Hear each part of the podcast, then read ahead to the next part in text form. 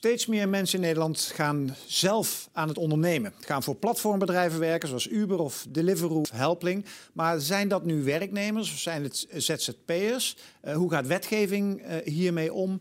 Um, moeilijke thematiek waar ik het over ga hebben met een specialist van DLA Piper, Helene Bogaert. Helene, van harte welkom. Dank je. Ja, het gesprek begon net al, omdat het zo'n actueel en, en interessant uh, onderwerp is. Maar um, laten we beginnen met de problematieke schets. Want aan de andere kant zou je kunnen zeggen, joh, flexibilisering van de arbeidsmarkt is prachtig nieuws. So what's the problem eigenlijk? Ja. ja. Wat is het probleem? Het, probleem is, is, is vrij, vrij, divers. Uh, misschien om even twee uitgangspunten te nemen. Uh, we, er is onlangs een rapport verschenen van een Belgische professor, Mark de Vos. Hm.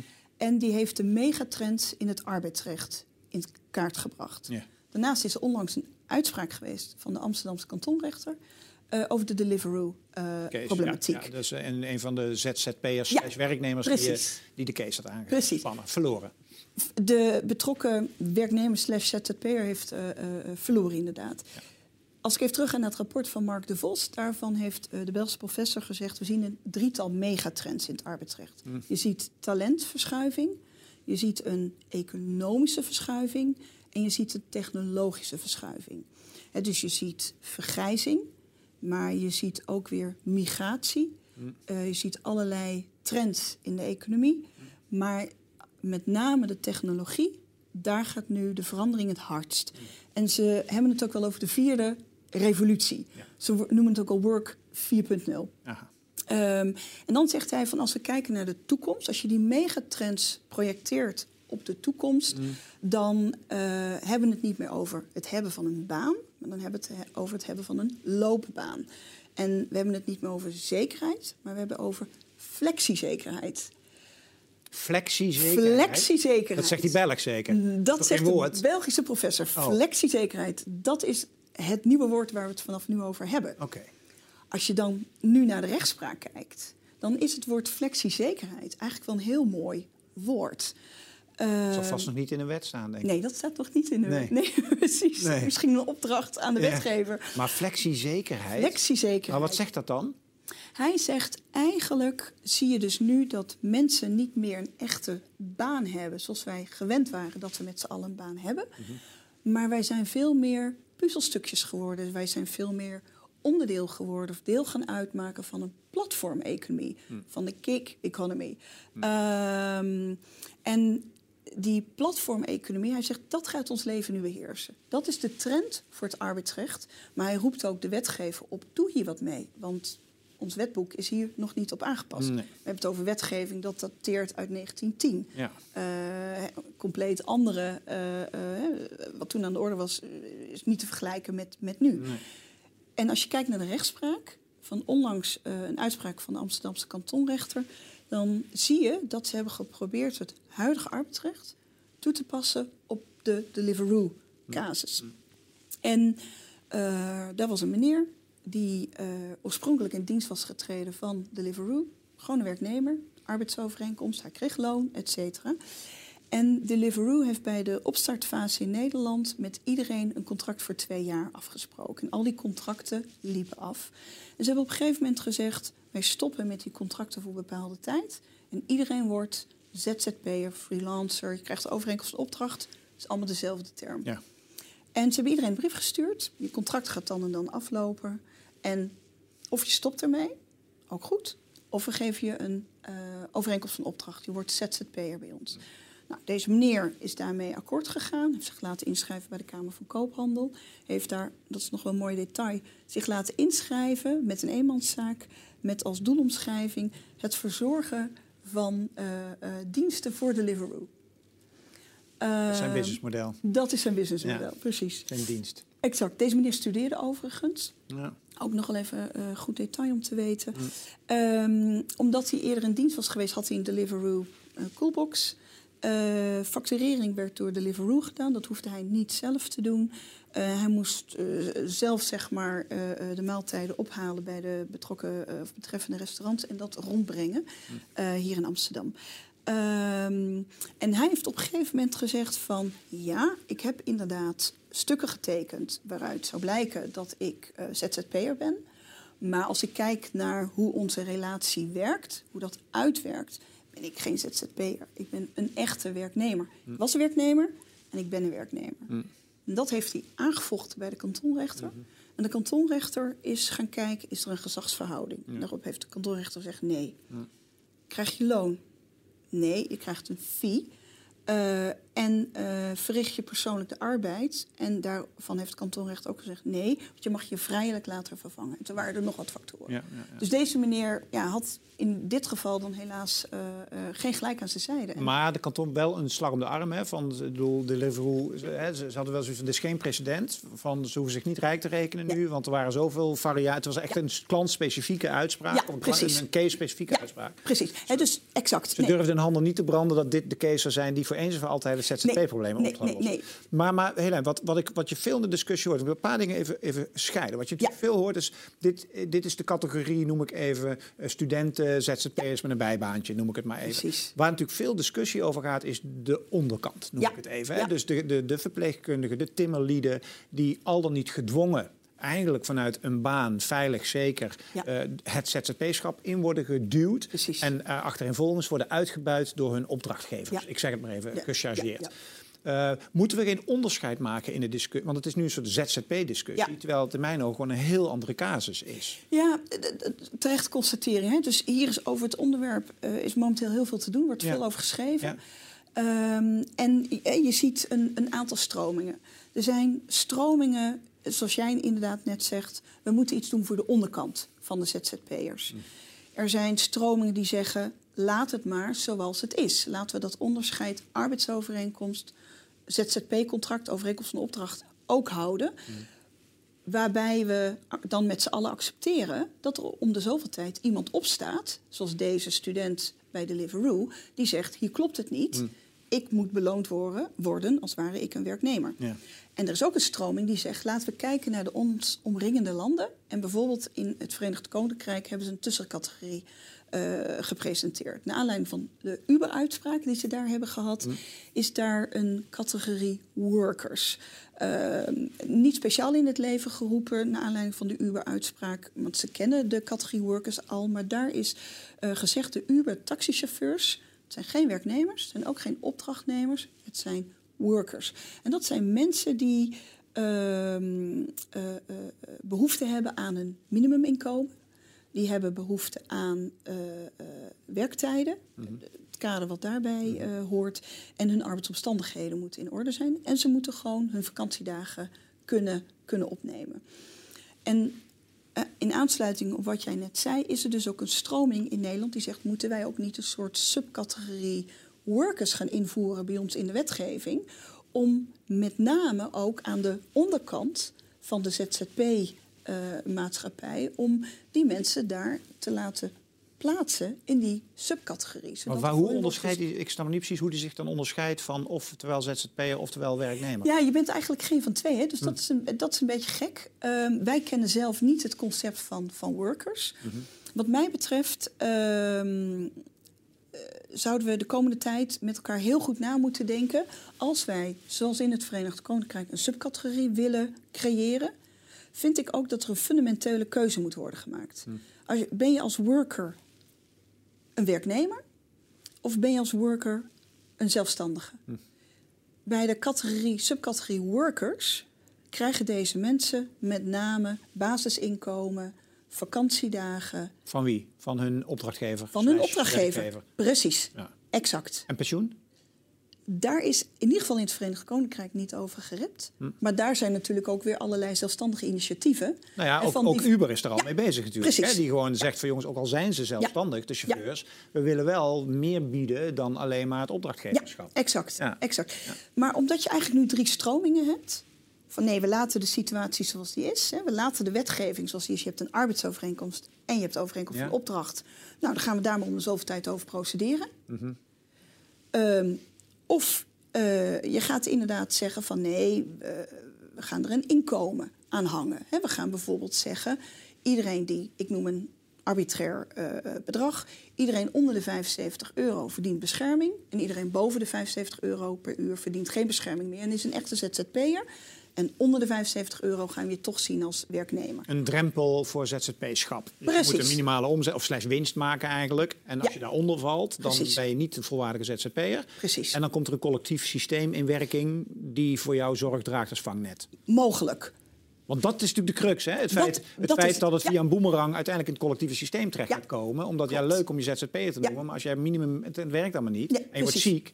Ja, dan zal er iemand het moeten oplossen. Precies. En wat je dus nu ziet, de, eh, het wetsvoorstel, wet arbeidsmarkt in balans. Ja, wat vind je daarvan? Ja, nou, dat is vorige week gelanceerd. Ik miste daar iets in. Ja, de ZZP'er. Dat Ja. is daar niet geregeld. Nee, niet daar wordt, niet, wordt Nee. daar niet over gesproken. Nee, ik heb niet helemaal uitgeplozen, maar het gaat met name over zeg maar, wat veranderingen Ja, in, de, in de relatie tussen eh, Exact. werknemer en werkgever. Exact. Dus het is, dat is in het, eh, flink in het nieuws gekomen. Eh, het, uh, het 8 uur journaal opende er mee vorige week. En wat je ziet is dat daar met name de flexrelatie wordt geregeld. Maar niet de ZZP-relatie. Dus nu in het wetsvoorstel wordt met name geregeld langere proeftijd.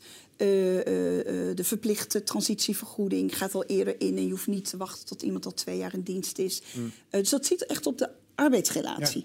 Maar de ZZP-relatie is geparkeerd. En daar is nu commissie regulering voor in het leven geroepen, onder leiding van Hans eh Borslap, oud lidraad van State. En hij heeft een aantal. had eh, toch tijd? ja, nou ja, blijkbaar. Ja, Hoe heet die commissie? Regulering, commissie regulering. Regulering. Regulering. Hippe titel.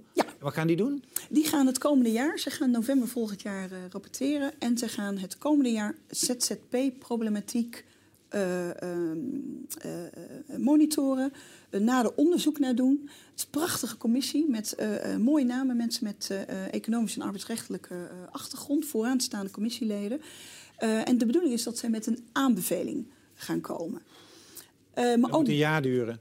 Dat Waarom gaat in... sluiten ze zich niet? Ze zijn slimme koppen, toch, zeg je? Ze zijn allemaal hele slimme Als die koppen. zich nou eens een week opsluiten, dan ja, moeten ze eruit ja, zijn. Ja, volgens mij kan het veel sneller. Met name omdat als je kijkt naar de literatuur... er maar een paar stromingen zijn. Ja. Het is vrij simpel. Je houdt het zoals het is... Of je gaat een subcategorie invoeren. Tuurlijk, en dat, dat leidt ook allemaal tot extra problematiek. Dat snap ik helemaal. Of je gaat vrij arbitrair gewoon een bedrag. Ja, ik zeg gewoon een bedrag, maar dat zou ook een mogelijke uh, oplossing kunnen zijn.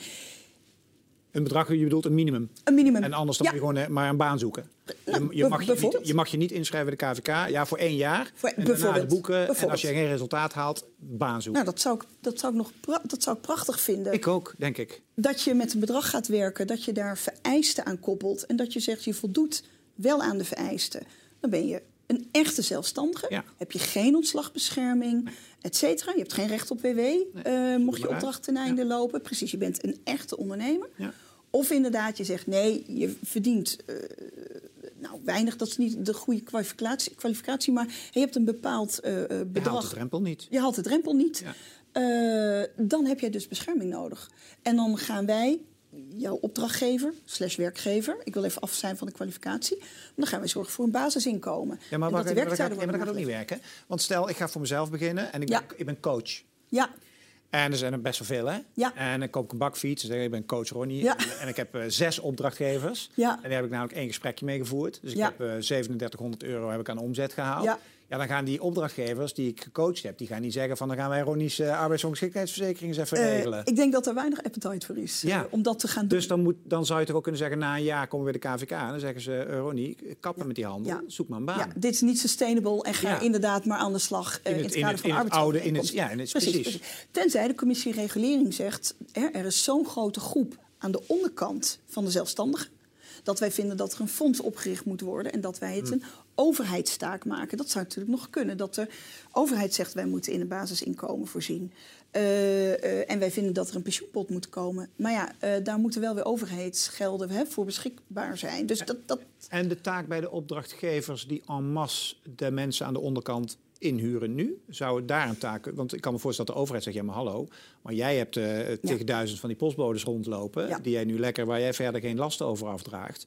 Uh, en die verdienen te weinig, ga jij het maar regelen. Ja. ja, dat zou mogelijk werken. Aanhakend bij het voorbeeld wat jij net zei. Dat zou goed werken als jij zeg maar, als opdrachtnemer, dus als zelfstandige, uh, één opdrachtgever hebt, max twee. Dan zou je het nog goed kunnen regelen. Ja. Maar inderdaad, zoals in jouw dat is meerdere hebt, dan is het al bijna niet meer te reguleren.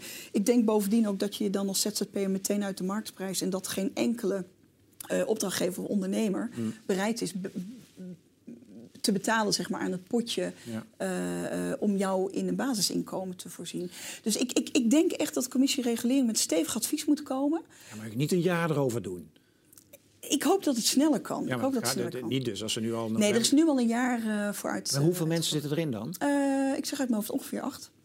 Ja, Ehm, wat ik ook nog even wil behandelen, want dat, dat, de rol van die platformbedrijven. Ja. hè, Daar is natuurlijk veel over te doen. De Ja. Ubers en de Deliveroo's, vaak Amerikaanse grondslag. Ja. En, en er, er heerst een beetje een tendens, dat zijn niet van die brave jongens. En eigenlijk buiten ze die workforce gewoon Mhm. uit. Wat vind jij daarvan? Ehm, als arbeidsrechtadvocaat en met name een advocaat die eh, eh, werkgevers bijstaat, eh, vind ik het lastig zeg maar, om dan eh, te horen dat je het woord uitbuiting eh, eh, Dat gebruikt. is niet mijn woorden. hè? Nee, nee, nee, Nee. nee, precies. Ik bedoel, je, je, Ja, ja. je citeert. Ja? Maar dan nog, ik, ik weet gelukkig van heel veel cliënten dat als zij zich hier vestigen in, in Nederland, een begin als start-up en vervolgens groot worden, dat ze echt een, ook bij jou komen als arbeidsrechtadvocaat, omdat ze graag willen dat jij hun adviseert. Eh, hoe de Nederlandse regels na te leven. Hè, dus de, eh, de Amerikanen en anderen eh, die zich hier vestigen, is er veel aan gelegen zeg maar, om het by the book te doen. Eh, en daar niet de grenzen op te zoeken. Maar ik ben het met je eens. Hè, er wordt natuurlijk vaak gezegd, ja, uitbuiting en, en, en dergelijke. Ik, ik denk dat ook deze bedrijven enorm moeten letten op de reputatie. Hè? Dus je hebt niet alleen hè, het bepaald vestigingsklimaat waar je in terechtkomt en, en de regels daaromtrent. Maar je hebt ook te maken met reputatieschade. Ja. Eh, Ja, dat kan heel rap gaan. en dat kan heel rap gaan. Hè? En dat kan betekenen overleven of eh, Ja. je ondergang zijn. Ja. Dus ik denk dat het deze ondernemingen, dat hen er veel aan is gelegen, zeg maar, om, Om goed om te gaan. keurig goed om te gaan, eh, eh, initiatieven te ontplooien, om te zorgen dat met name hè, aan de onderkant in die ZZP-groep, dat daar veel aandacht aan wordt besteed. Hè, we hebben het inderdaad niet over de ZZP'ers die echte hoge uurtarieven kunnen wegzetten. dat zijn de echte ondernemers. Ja. Maar het gaat met name hè, om de mensen die jaren geleden in het kader van allerlei ontslagrondes. Precies. Hè, Want nu, ook die groep studenten vind ik ook niet zo'n thema. Nee, Want die, weet je, die, jongen die gaan werken wanneer ze geld Precies, nodig hebben. En die, precies. huppakee, die ti- tientjes Precies. werk en prima, is gewoon bijbaantje. Inderdaad. Geen- Voor, voor hem was het absoluut een bijbaantje. Ja. Ik vind het overigens eh, ja, wel eh, eh, mooi eh, en van moed getuigen hè, dat hij heeft eh, gedurfd. Zeg Heeft hij dat echt voor zichzelf gedaan? Of vond hij het ook leuk om gewoon deze case eens een keer... dat is een goeie. Dat, dat, We- Ik dat, ken, ik ken nee, hem weet niet. Hij is ook niet. niet zo nieuws geweest. Hij heeft er ook geen gebruik van gemaakt. Of wel? Hij is niet... Hij is, ik zag hem onlangs even in een VPRO-documentaire Oh, inderdaad eh, eh, voorbij komen. Ja, Inderdaad. ja. Eh, daar is wel aandacht eh, eh, aan Want voor de besteed. discussie is het heel goed geweest dat hij het heeft... eh, Maar dat is ja. het. Hij heeft ons ook weer een dienst bewezen. Ja. Kijk, hier heeft de Liveroo aan het langste eind getrokken. En de kantonrechter heeft zeg maar heel mooi alle jurisprudentie van afgelopen jaren op deze zaak losgelaten. Ja. Dus ja, ons is een dienst bewezen eh, door deze uitspraak. En er is ook wel weer duidelijkheid. Mm. Er zijn dus ook mensen die naar aanleiding van deze uitspraak zeggen... ja, die subcategorie workers, zoals in het Verenigd Koninkrijk, hebben wij niet nodig. Mhm. Want met de huidige jurisprudentie kunnen wij ook eh, tot dit soort oordelen komen. Maar dat neemt het leed, om het zo maar te zeggen, niet weg Nee. van de onderkant van die ZZP'ers. En ik ben het met je eens. Deze ehm, eh, meneer was een, een student. Maar het gaat om die mensen die uit die ontslagrondes komen. Ja. En die wel verder moeten. Ja. ja, en wat doen we, misschien is dat wel de hamvraag uiteindelijk, van wat doen we met het ouderwetse collectieve systeem, wat Ja. natuurlijk jarenlang Ja. best goed heeft gewerkt. Ja, precies. Dat, dat is natuurlijk het, dat is, het- dat is het pijnlijke punt van hoe gaan we dat vormgeven. Exact. Exact. Ja. En, en daar, als je het dan heel concretiseert, met name op deze groep onderkant ZZP'ers, dan denk ik, en dat zou wat dat betreft dan weer mijn advies zijn aan de commissie regulering, van of je houdt het bij het oude. Dus mensen proberen we nog steeds in het hokje of arbeidsovereenkomst te duwen of overeenkomst van opdracht. Ja. Maar dan weet je gewoon dat er altijd jurisprudentie zal worden gemaakt. Mhm. En deze Deliveroo-uitspraak zal misschien bij een zaak die gaat over de schoonmaakdienst Helpling misschien weer anders uitpakken. Ja. Dus dat weet je niet. Hè? Dus ja, wij hebben zeg maar nu wel factoren waar we mee kunnen werken. Maar dit hoeft niet per definitie de bestendige lijn te zijn. Het is heel casuïstisch. Nee. Dat is het. Ja. Ehm, eh, dus volgens mij is dat dan het advies aan de commissie. Of blijf denken in de twee hokjes. Of laten we anders vrij arbitrair een uurtarief met elkaar afspreken. Waarbij we zeggen aan de onderkant bijvoorbeeld minder dan 75 eh, uur eh, heb je Ja, bescherming of, bedrijf- nodig. of bedrijfsresultaat. bedrijfsresultaat, ja, de- de- de- precies. Nee, nee, ik wou zeggen, je hoeft nog niet eens met uurtarief te Nee, werken. ik zou bedrijfsresultaat Ja. dan zeggen. Op Nou, jaarbasis zoveel bedrijfsresultaat. En dat Precies. moet dan iets ambitieuzer zijn dan eh, anderhalf procent van, je, van het minimuminkomen. Of zo. Nee, dat, precies. Want in het, exact, want in het regeerakkoord is inderdaad gezegd... als het gaat om de discussie schijn, schijnzelfstandigheid... ben je nou een echte zelfstandig of ben je schijnzelfstandig... daarvan hebben ze in het regeerakkoord gezegd... laten we kijken naar het percentage 125% van het minimumloon. Ja, nee, dat vind ik geen ambitie. Nee. Nee. Dus, ik, dus de, commissie regulering heeft een best stevige opdracht gekregen. Eh, dan snap ik dat ze een jaar nodig hebben. Nogmaals, ik denk ook dat het sneller zou moeten kunnen. Want je moet ergens een keuze maken. Mhm. Je moet hier een keuze. Je komt er anders hier niet uit. Ja, ik wens je succes. En, eh, en ik wens jou heel veel plezier de komende jaren. Want Ja. aan de winkel. Ja, zeker En, weten. eh, dankjewel dat jij mijn gast wilde zijn. Dank je wel. En eh dankjewel naar weer het kijken naar een aflevering hier op cvdtv.nl. Kijk voor meer op onze website of download onze app of kijk op YouTube. Voor nu namens DLA Piper, dankjewel voor het kijken. Hoi!